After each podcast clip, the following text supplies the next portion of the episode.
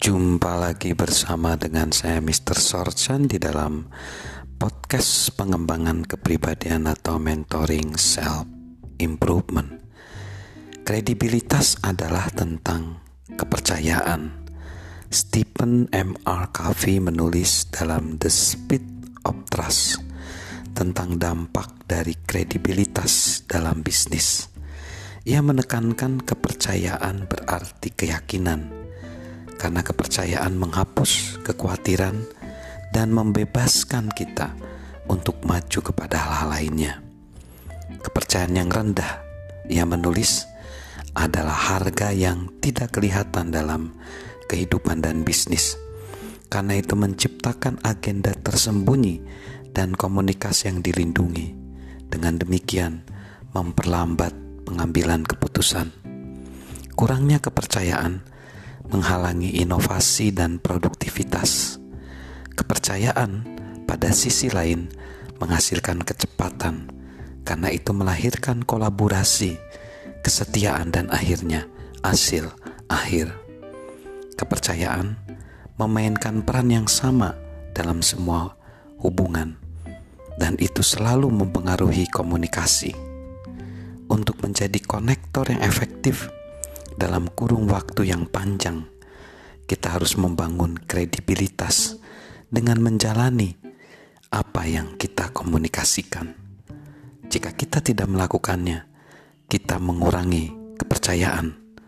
Orang-orang terputus hubungannya dari kita, dan mereka berhenti mendengarkan kita.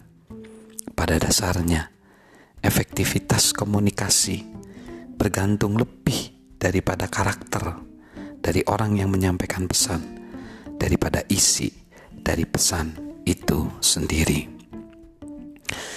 Kita adalah pesan kita.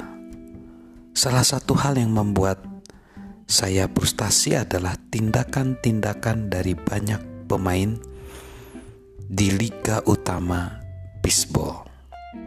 Sejak kecil, saya menyukai bisbol dan saya penggemar Cincinnati Reds. Itu yang dikatakan oleh John C. Maxwell.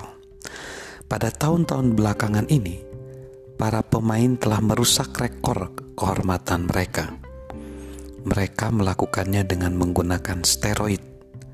Seorang pemain yang hebat telah dituduh menggunakan steroid Beberapa di antaranya mengakui bahwa mereka mengalami kehidupan dengan kehidupan ganda. Beberapa telah mengakui atau menolak untuk memberi kesaksian. Bisbol adalah sebuah permainan statistik. Jika statistik itu tidak dapat dipercaya karena para pemain menggunakan cat penambah perform mereka, permainan itu benar-benar rusak entah kita sengaja atau tidak, kita adalah pesan yang kita sampaikan kepada orang lain. Itu menentukan entah orang lain ingin menjalin hubungan dengan kita atau tidak. Bahkan aktor yang paling ahli pun tidak dapat berpura-pura selamanya. Pada akhirnya, siapa diri kita akan terbuka, baik itu di panggung, di tempat kerja, atau di rumah. Jadi, jika kita ingin menjalin hubungan dengan baik dengan sesama, kita harus menjadi orang yang kita sendiri ingin menjalin hubungan. Bagaimana kita menggambarkan diri kita, apa yang kita komunikasikan, dan bagaimana kita hidup harus konsisten.